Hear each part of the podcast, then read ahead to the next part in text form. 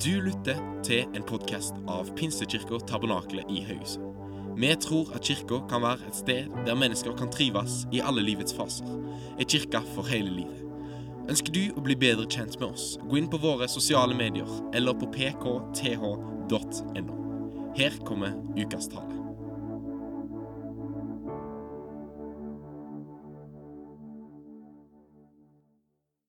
Kjekt å være i Haugesund. Det er ikke ofte jeg har vært her, selv om jeg har bodd 25 år i en by litt lenger opp langs kysten, i Bergen. Så, men det var en tid hvor jeg var en del i Haugesund. Bl.a. da Halvard Hasløy var nyfrelst. Det husker jeg godt. Det var litt av en kar. Og det har han ikke sluttet med å være. Ehm, jeg begynte altså på fredag med 20 pluss. Det var en stor opplevelse. Eh, og de sa at det faktisk var flere enn det pleide å være. Eh, jeg stortrivdes.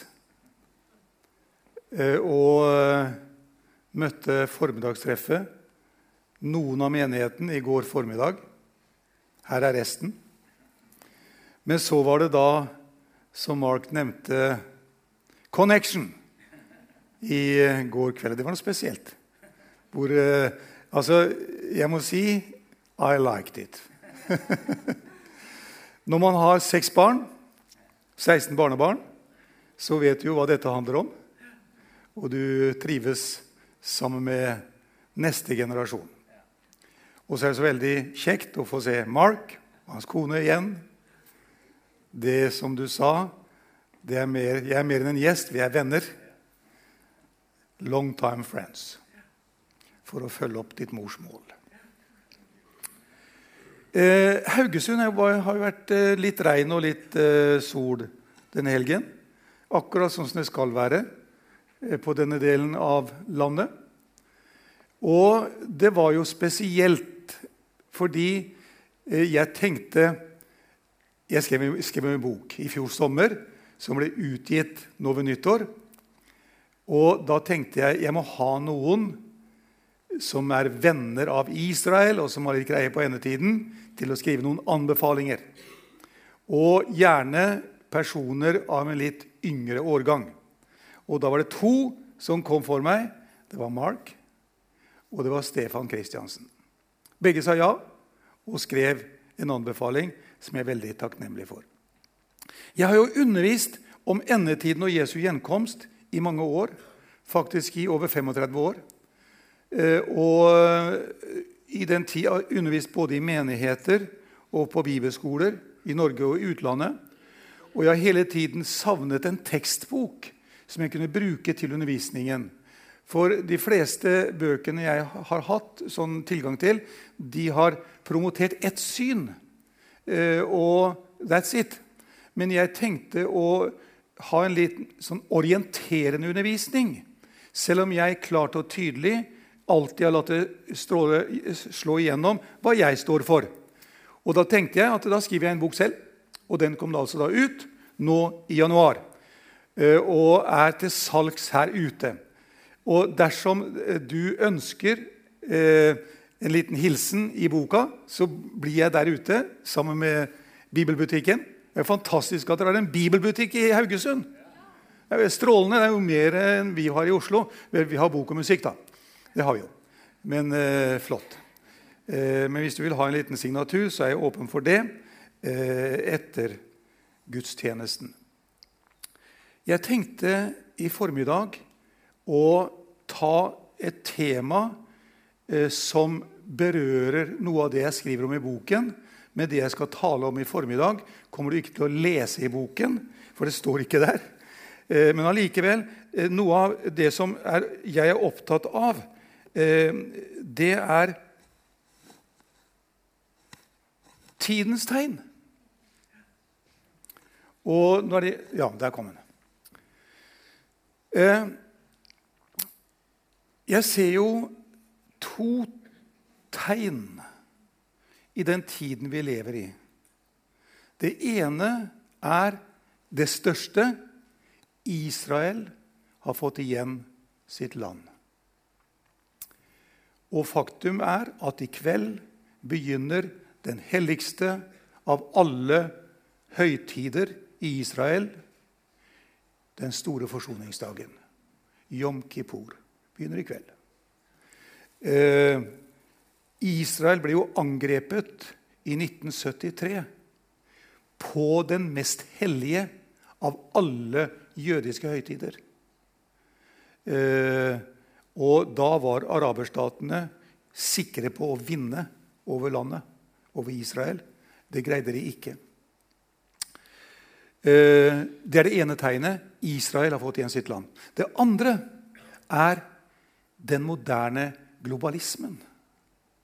Og den tenkte jeg å snakke litt om her i formiddag.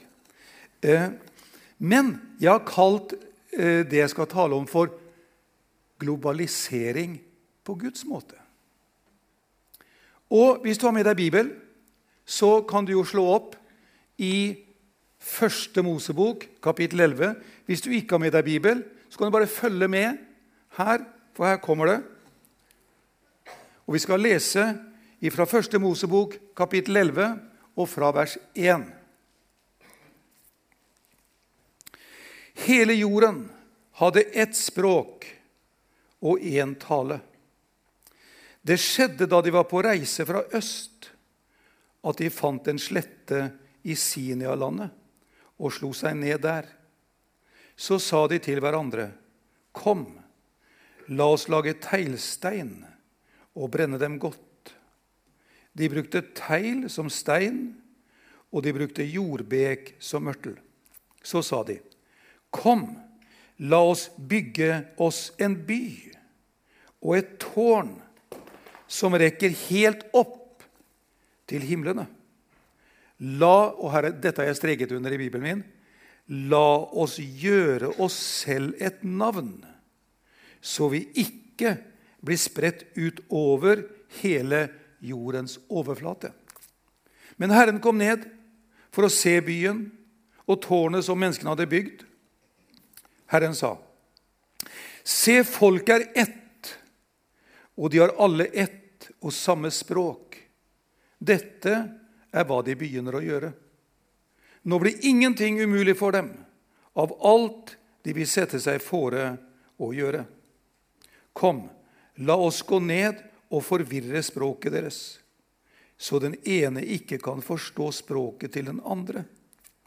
Så spredte Herren dem derfra ut over hele jordens overflate, og de sluttet å bygge på byen. Derfor blir den kalt Babel for der forvirret Herren språket for hele jorden.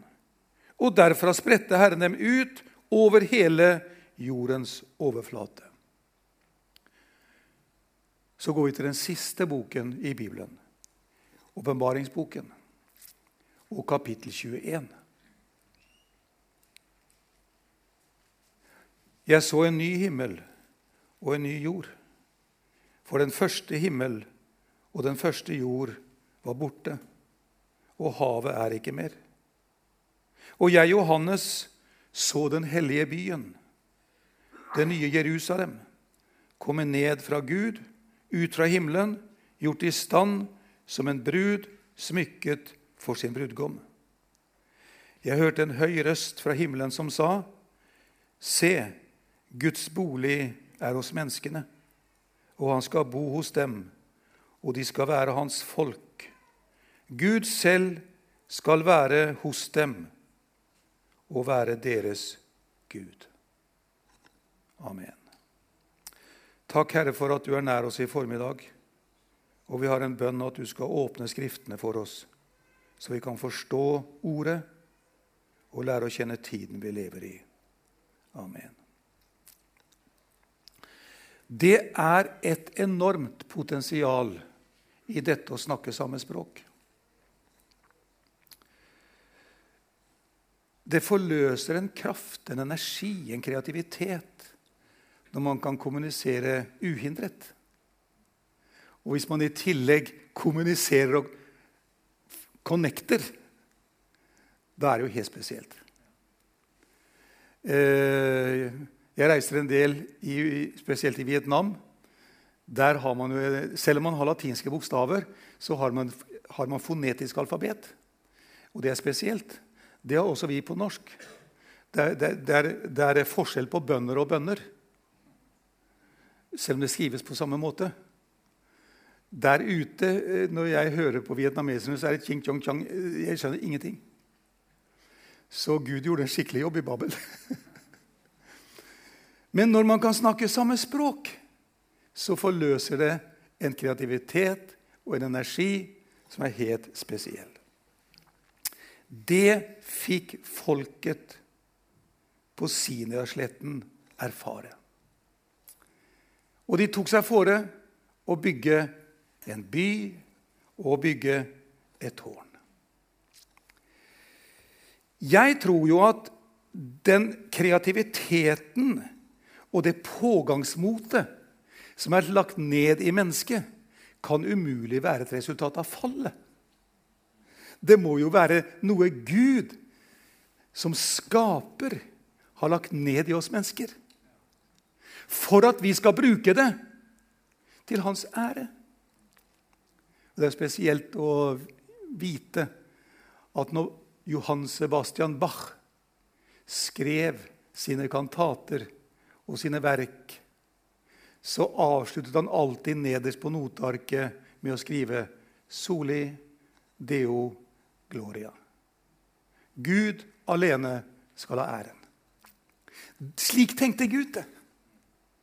Så kreativitet, oppfinnsomhet, skaperkraft og skaperevne er noe Gud selv har lagt ned i oss. Men her, i Siniar, tok menneskene seg fore å bruke denne kreativiteten som et opprør mot Skaperen.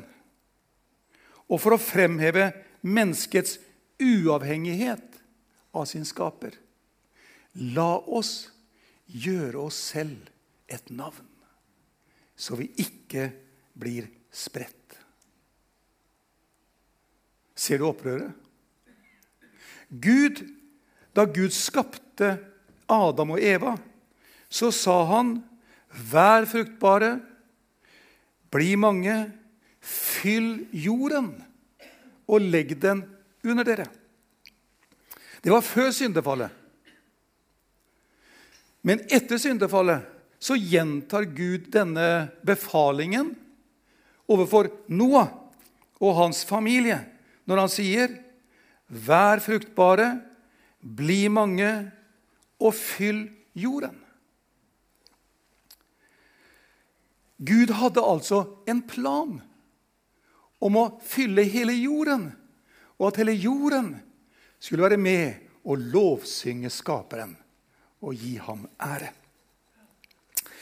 Paulus er inne på det samme når han snakker med filosofene på Areopagos. Og han sier det slik Han, altså Gud, har gjort hvert folkeslag av ett blod og latt dem bo over hele jorden. Og han har fastsatt deres forutbestemte tider og grensene for deres bosteder for at de skulle søke Herren i håp om at de skulle famle seg fram til ham og finne ham, selv om han ikke er langt borte fra en eneste en av oss.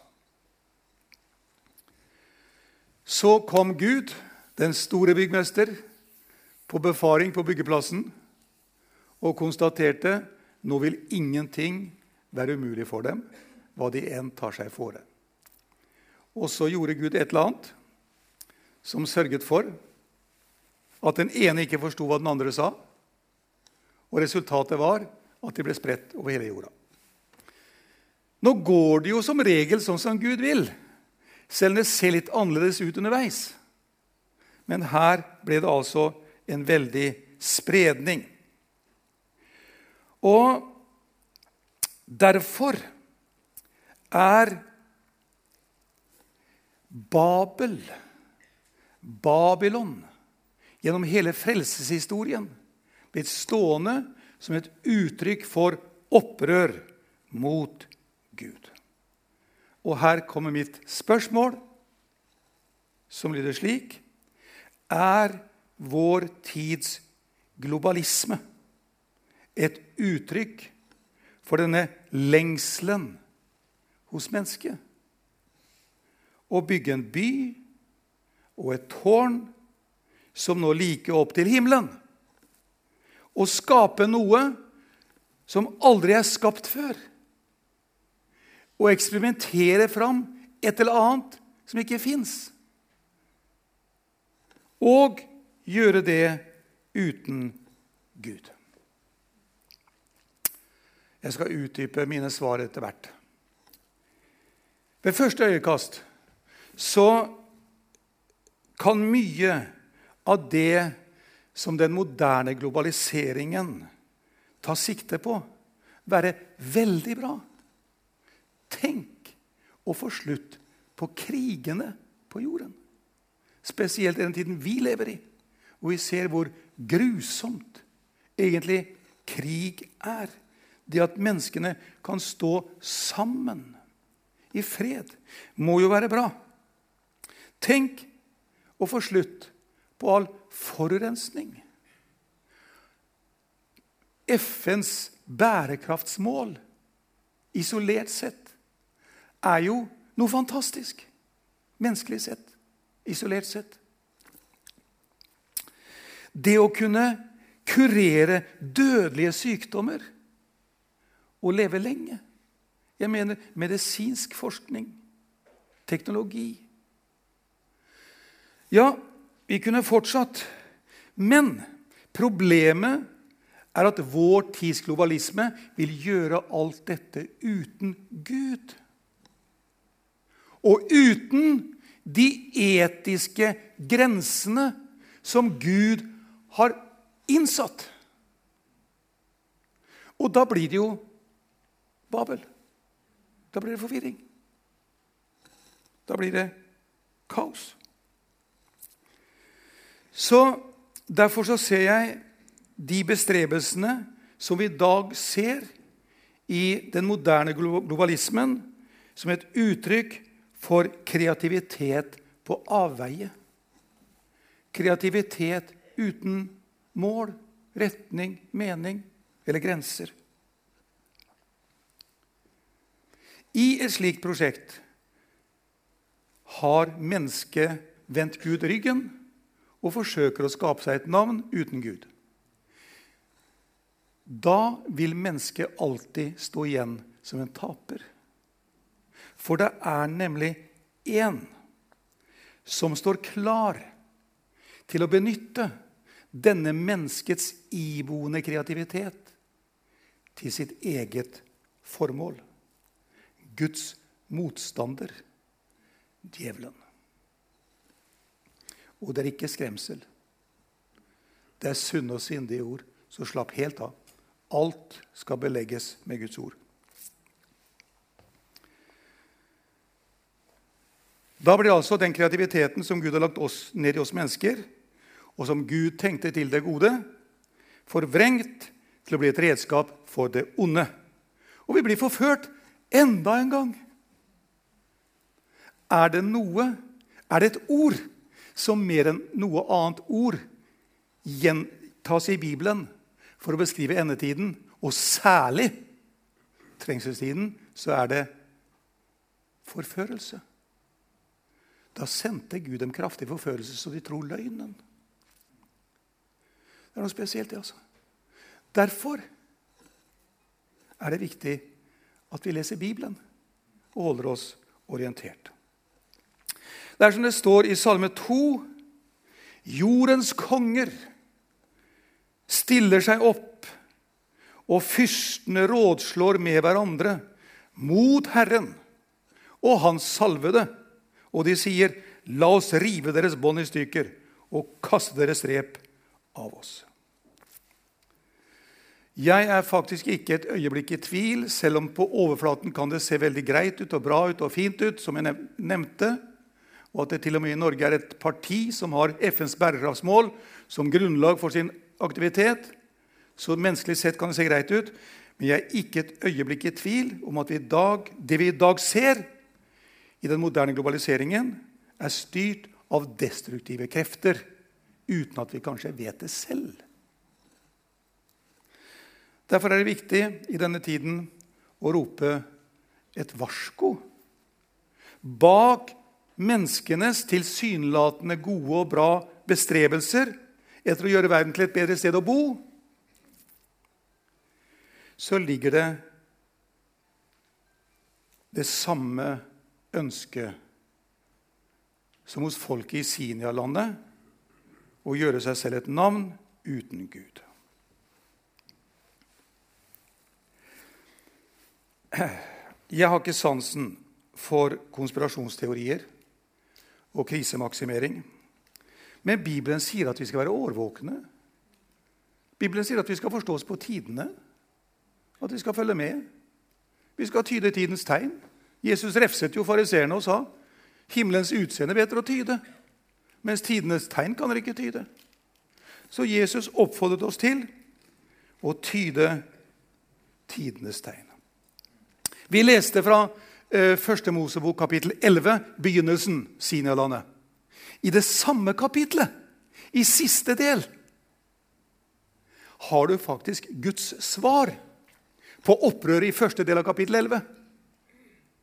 For i slutten av kapittel 11 kaller Gud en mann, Abraham, opphøyet far, fra Urikaldea, om at han skal ta med seg kona si, Sarai, og faren sin, Tara, og onkelen sin, Lot, og dra til det landet Gud ville gi ham.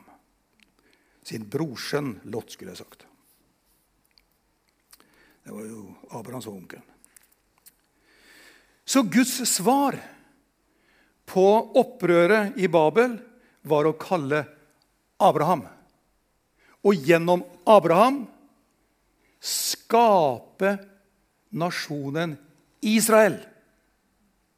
Hvor Jesus ble født, som er verdens frelser. Litt spesielt. Samme kapittel, kapittel 11.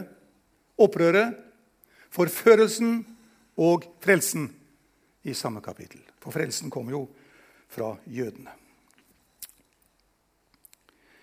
Derfor ser jeg, som jeg innledet med, to store tegn i vår tid. Den moderne globalismen og Israel, som har fått igjen sitt land som en forberedelse for at Messias skal komme tilbake. Den moderne staten Israel er en forutsetning for at Messias skal komme tilbake. For Bibelen sier at når Jesus kommer igjen, så skal han komme på Oljeberget. Og de som har gjennomstunget ham, skal se opp til ham og gråte sårt og ta imot ham og angre sin synd. Så Den moderne staten Israel er en forutsetning faktisk for Jesu gjenkomst. Det er ikke en hvilken som helst politisk statsdannelse.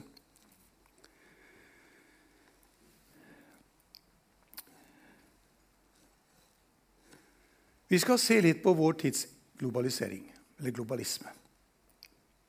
I begge brevene til sin unge medarbeider Timotius skriver Paulus om det som skal skje i de siste dager. Og Begrepet 'de siste dager' er perioden fra Jesu første komme til hans andre komme.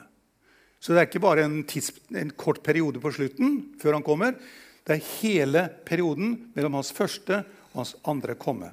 Derfor er det Paulus skrev til Timotius, det var aktuelt for han da og deres nære framtid. Og det er aktuelt for oss nå og vår framtid.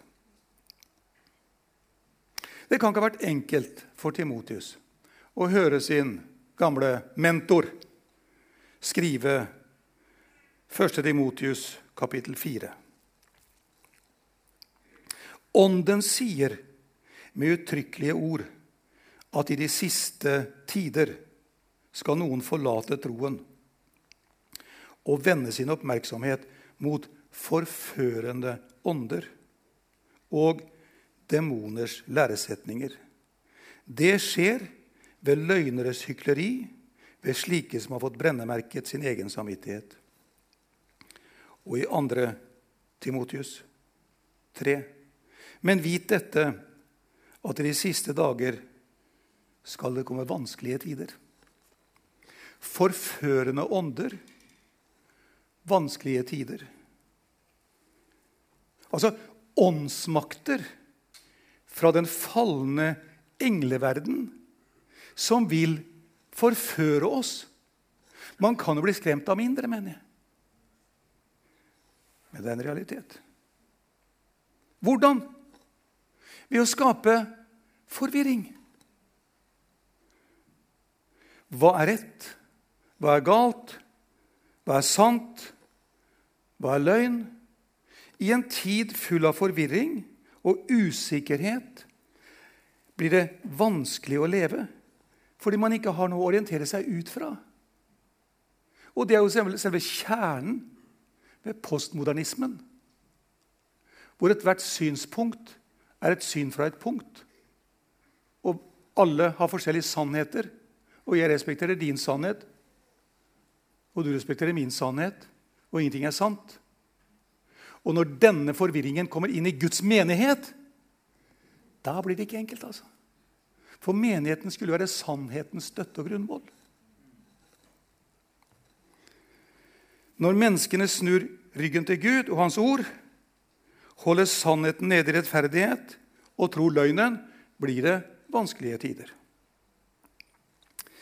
Og tiden vi lever i, har faktisk i generasjoner vært preget av menneskenes ønske om å bygge en verden uten Gud. Og I dag ser vi det tydeligere enn noensinne for alle som vil se. På flere områder. La meg nevne noen. Politisk ser vi det gjennom arbeidet med å etablere en felles verdensordning. En global rekonstruksjon, kalte tidligere assisterende generalsekretær i FN, Robert Müller, det hele.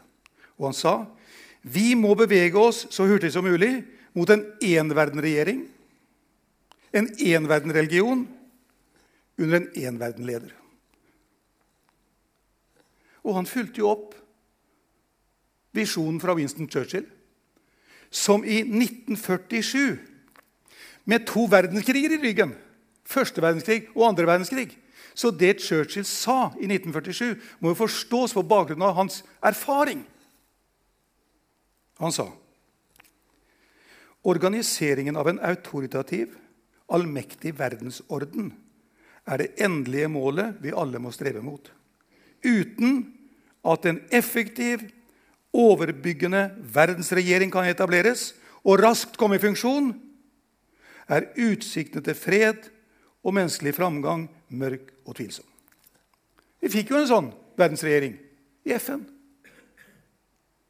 Men FN har jo dokumentert sin impotens og sin manglende evne til å skape fred. Når medlemmer av FNs sikkerhetsråd, Russland, krenker selve FN-charteret om at ikke man skal angripe et annet land Og i Midtøsten-spørsmålet har jo FN dokumentert sin manglende evne til å skape fred. De har jo eller bidratt til krig. Og jeg, kommer, jeg, sier ikke her noe negativt om FN som institusjon. Problemet er bare at man forsøker å skape en fred uten Gud. Man forsøker med menneskelige midler, med forskjellige interesser, forskjellige agendaer, til å skape en fred. Så det er greit med FN så langt de får det til. Men, men det er en, en, innebygd svakhet. Og hva er det? Den menneskelige syndefallet. Som slår ut i forskjellige retninger. Så har vi også fått noe lignende i Europa. Og Det er jo en del, siden, del år siden Romatraktaten ble undertegnet i 1957. Og det som begynte som et markedssamarbeid, har utviklet seg mer og mer og mer. Slik at Nå er det slik at lover som vedtas i Brussel, gjelder jo også for oss i Norge. Selv om ikke vi er medlemmer av EU. Jeg syns det er litt skremmende, men samtidig litt interessant å lese det en av grunnleggerne til EU, eller EF som det het en tid, Paul Henri Spaak, den tidligere statsministeren i Belgia, hva han sa. Han var en av arkitektene bak EU. Og han sa Vi vil ikke ha enda en komité. Vi har altfor mange allerede. Det vi vil ha, er en mann av tilstrekkelig støpning til å få tillit og troskap fra alle mennesker, og som kan løfte oss ut av det økonomiske diket vi er sunket ned i. Og så fortsatte han. Send oss en slik mann.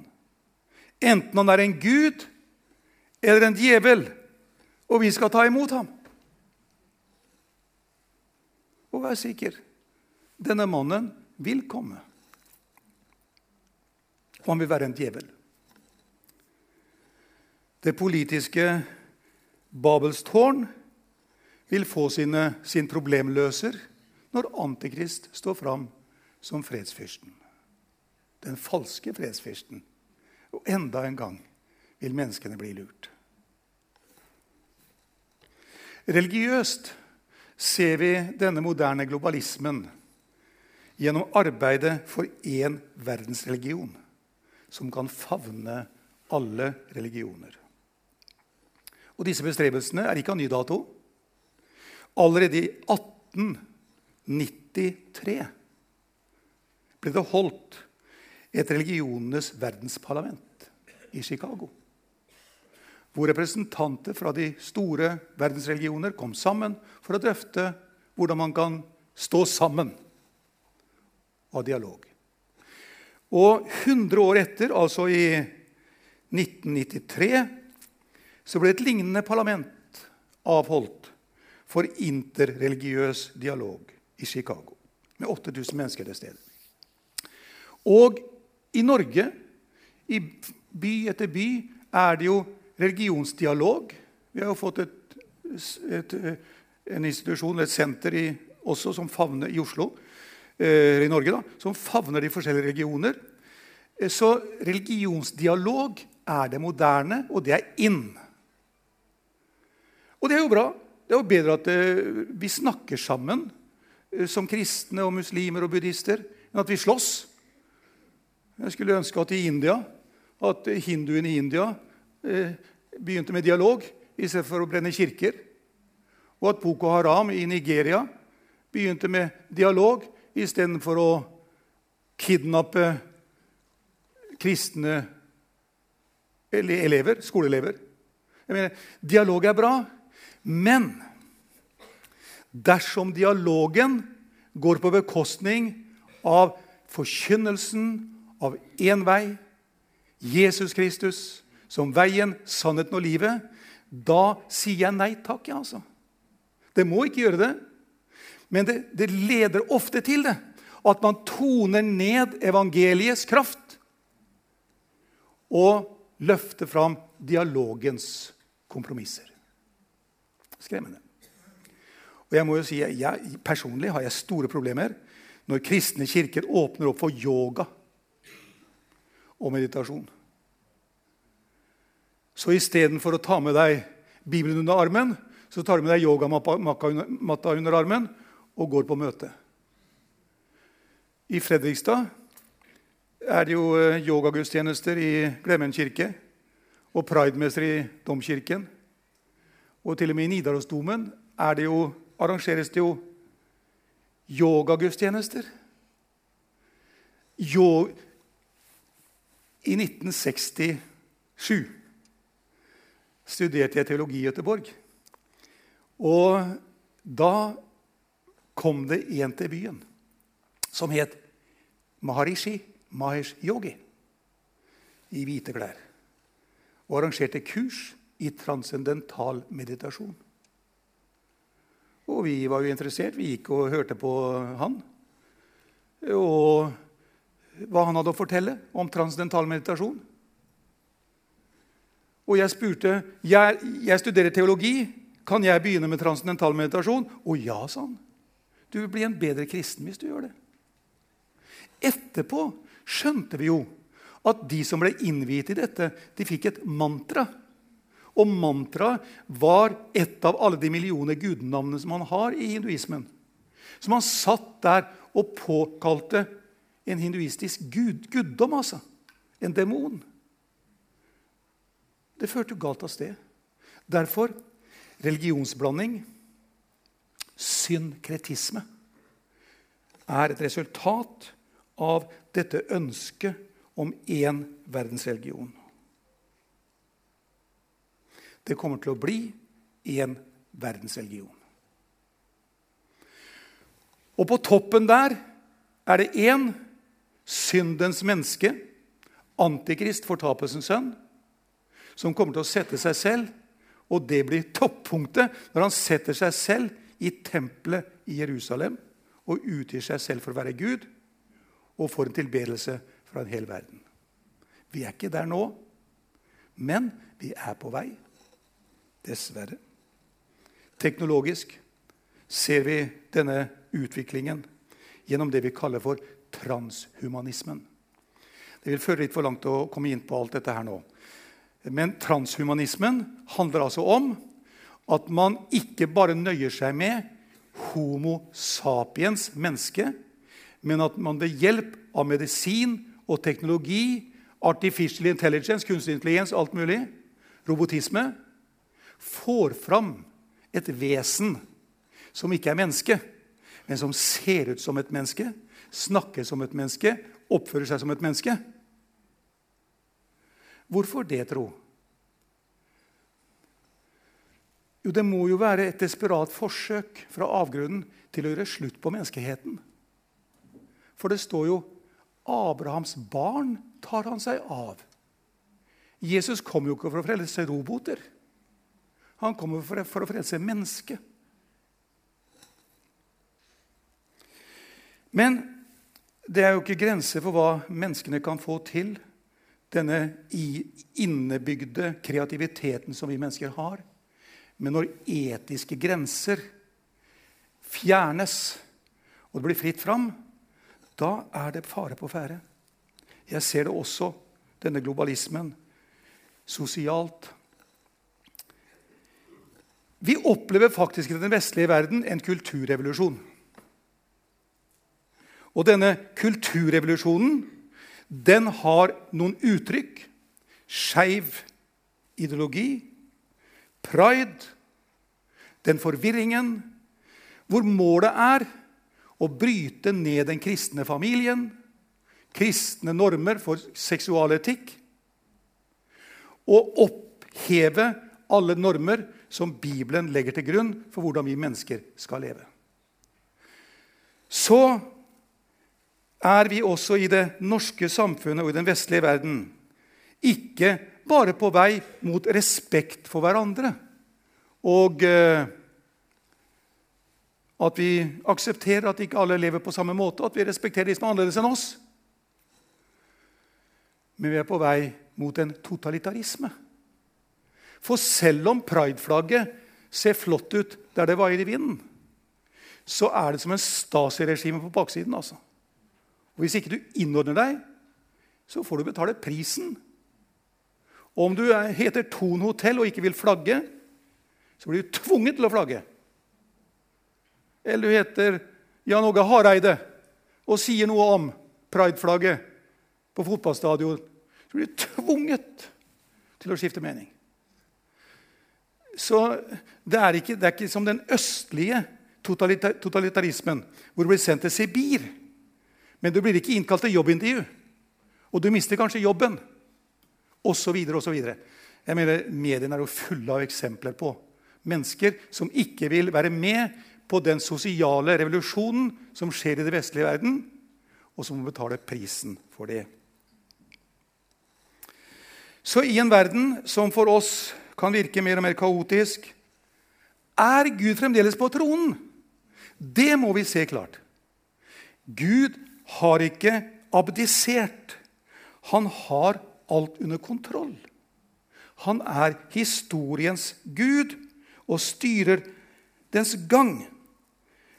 Derfor, midt i en tid som er vanskelig, så sender Gud vekkelse.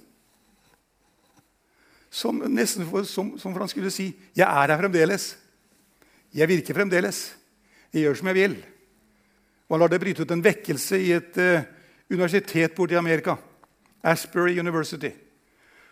Og han lar det bryte ut vekkelse på Vigeland nede i Norge. Og bare vær forberedt på å se hvordan vekkelsen bryter ut, både her og der. Gud har ikke abdisert, altså. Men det, store samfunnet, det sekulære samfunnet, er i ferd med å bli forført. Derfor, i den tiden som vi lever i, så er det som jeg hører to oppfordringer fra vår Herre og Mester. Den første handler om å, forstå den tiden vi lever i, og ikke la seg forføre. Matteus 13. Men det jeg sier til dere, sier jeg til alle våk. Du behøver ikke ta til motmæle.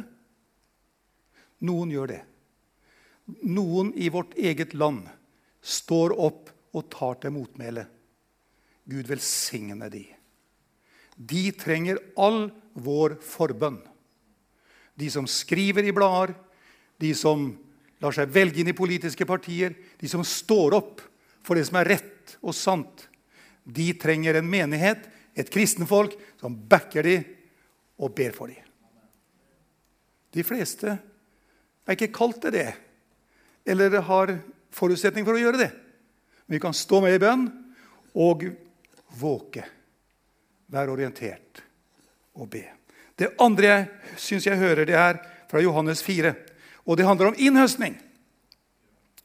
Dere sier ennå er det fire måneder til innhøstningen. Men jeg sier dere, løft blikket og se på markene. De står alt hvite mot høst. Så når vi ser på det samfunnet vi lever i, og som på mange måter bærer forfallets tegn, så må vi også se det samme samfunnet er modent til innhøstning. Det er mennesker som lengter etter Jesus. Og denne underkommuniseringen av sannheten, denne underkommuniseringen av hva som er rett og galt, den skaper et rop i menneskets indre. Hva er sannhet? Som han sa Pilatus. Og vi kan fortelle dem hva sannheten er. Jeg har brukt mye tid på globalisme, på den moderne globalismen. Vi skal raskt ta globalisering på Guds måte. For jeg regner med at det er litt mer kjent stoff. Globalisering på Guds måte.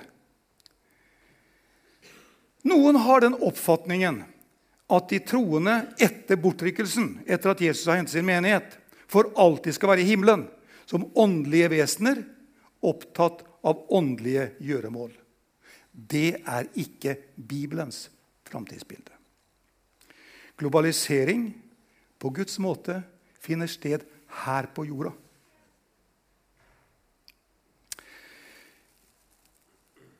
Ikke i en alternativ åndelig dimensjon. Det vil skje en gjenfødelse av denne jorda. Jeg mener, Denne jorda som vi nå går på, skal oppleve en gjenfødelse. Den skal bli gjort ny i tusenårsriket. Og Derfor har globalisering på Guds måte to spor. Det ene er tusenårsriket. Det andre er en ny himmel og en ny jord. Tusenårsriket blir en fredstid. Det første perspektivet blir en fredstid. En fantastisk fredstid for denne jorda. Åpenbaringen 11. Da blåste den sjuende engel, og det lød høye røster i himmelen som sa:" Denne verdens riker tilhører nå vår Herre og hans Kristus. Og han skal herske som konge i all evighet. Denne jorda, fredsriket. Kong Jesus oppretter fredsriket for Israel, som Mika skrev om det. I de siste dager skal det skje. Berget der Herrens hus står, skal være grunnlagt på toppen av fjellene. Det skal være opphøyet over høydene. Folkeslag skal strømme dit. Mange folkeslag skal dra av sted og si, 'Kom, la oss gå opp til Herrens berg, til Jakobs Guds hus.' Han skal lære oss sine veier, og vi skal vandre på hans stier. For fra Sion skal lov utgå, og Herrens ord fra Jerusalem. Han skal dømme mellom mange folk og skifte rett for sterke folkeslag langt borte. De skal smi sine sverd om til plogskjær og sine spyd til vingårdskniver. Folkeslag skal ikke løfte sverd mot folkeslag, og de skal ikke lenger læres opp til strid. Babylon er falt, og Jerusalem vil være verdens hovedstad. Og Israel vil være en velsignelse for hele jorden. Og alle vil samle seg rundt jødefolket. Som Zakaria sier det. Så sier herskarenes herre. I de dager skal ti menn fra alle folkeslagenes tungemål gripe tak i kappefliken til en jødisk mann og si:" La oss få gå med dere, for vi har hørt at Gud er med dere. Menigheten, den kristne menighet, som ble hentet i bortrykkelsen, har også sin plass i dette. Og i lovprisningen av lammet, i kapittel 5, leser vi Verdig er du til å ta imot boken og bryte seilene på den. For du ble slaktet, og med ditt blod har du frikjøpt for Gud mennesker av alle stammer og tungemål, av alle folk og nasjoner. Du har gjort dem til et kongerike av prester for vår Gud, og de skal herske som konger på jorden. Og i Åpenbaringen 20.: Salig og hellig er den som har del i den første oppstandelsen. Over dem har den annen død ingen makt, men de skal være prester for Gud og Kristus, og de skal regjere med ham i tusen år. Det er tusenskriket. Når fredsfyrsten kommer og denne jorden blir forvandlet. Hvilken glede og hvilken fantastisk tid vi som troens folk kan se fram til. Det andre sporet det er en ny himmel. Eller andre perspektivet er en ny himmel og en ny jord. Og vi leste om det i begynnelsen av denne bibeltimen. Jeg så en ny himmel og en ny jord. For den første himmel og den første jord var borte, og havet er ikke mer. Og jeg, Johannes, så den hellige byen, det nye Jerusalem, komme ned fra Gud, ut fra himmelen, gjort i stand som en brud smykket for sin brudgom. Det himmelske Jerusalem. Eh, Bibelen taler om to Jerusalem. Det Jerusalem som er der oppe, og det Jerusalem som er her nede.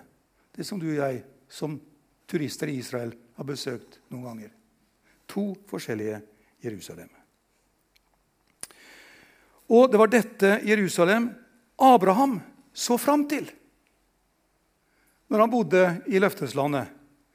For han ventet på byen, sier brevbrevet, den som har grunnvollene, den by som har Gud til bygningsmenn og skaper.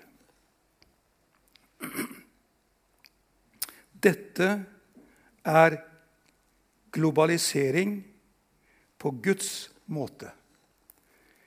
En konkret, fysisk by på en nyskapt jord. Åpenbaringen 21. Noe tempel så jeg ikke i byen. For Herren Gud, den allmektige, og lammet er dens tempel. Og byen trenger ikke lys fra sol eller måne, for Guds herlighet lyser over den. Og lammet er dens lys. Folket, folkene skal vandre i lyset fra byen, og jordens konger skal føre sine rikdommer dit. Byens porter skal aldri stenges etter dagen, for natt skal det ikke være mer. Alt det dyrebare og verdifulle folkene eier, skal de føre inn i den. Men noe urent skal aldri komme inn i byen. Ingen som gjør motbydelige ting eller farer med løgn, bare de som er skrevet inn i livets bok hos lammet. Og her er vi ved det viktigste. Da Moses var på Sinai-fjellet, så ba han om Guds ledelse. Og han spurte om han kunne få se Guds ansikt. Da sa Gud, 'Ingen kan se mitt ansikt og leve'. Men her skjer det som mennesket har lengtet etter å se Gud og bli ham lik. Mens vi er her på jorda, så lever vi i håpet om en gang å få se ham. Det sier Paulus i 1. Korinterbrev, kapittel 13. For nå ser vi i et speil, i en gåte. Men da skal vi se ansikt til ansikt med Gud selv, altså. Nå kjenner jeg stykkevis, men da skal jeg erkjenne fullt ut, slik som jeg også fullt ut er kjent. Og Johannes vitner om det samme i sitt første brev. Elskede, nå er vi Guds barn, men det er ennå ikke blitt åpenbart hva vi skal bli. Men vi vet at når Han blir åpenbart, skal vi bli lik ham. For vi skal se ham som han er. Globalisering på Guds måte. Så ikke la oss forføre av menneskelige forsøk. Det er fantastisk det mennesket kan få til. Kreativitet. Og vi heier på det. Vi takker Gud for medisinske framskritt, for teknologiske framskritt. Ikke sant? Så jeg kan vise teksten her oppe. Jeg mener, Det skjer så mye positivt, men la oss være våkne for de kreftene som vil bruke dette til sitt eget formål. Jeg avslutter med Åpenbaringen 22. Det skal ikke lenger være noen forbannelse, men Guds og lammets trone skal være i byen, og hans tjenere skal tjene ham. De skal se hans ansikt, og hans navn skal være på deres panne. I dag har du og jeg ånden i våre hjerter. Vi er innseil, vi har fått et seil. Vi er beseilet. Vi hører Kristus til. På den nye jorden skal vi i tillegg få et navn på pannen. Vi hører han til. Og i dag kan vi kanskje bruke dette som et uttrykk for at vi har hans navn inni hodene våre. Guds ord fyller våre tanker, opplyser vår forstand. Vi har kun én ting i dag, i den tiden vi lever i, som er fast, er Guds ord. Og det står vi på, og det forkynner vi med stor frimodighet. Gud velsigne dere her i Haugesund. At dere kan stå for sannheten. Velsigne mennesker være lys og salt. En alternativt fellesskap. En kristen menighet. Takk, Herre, for uh, ordet ditt.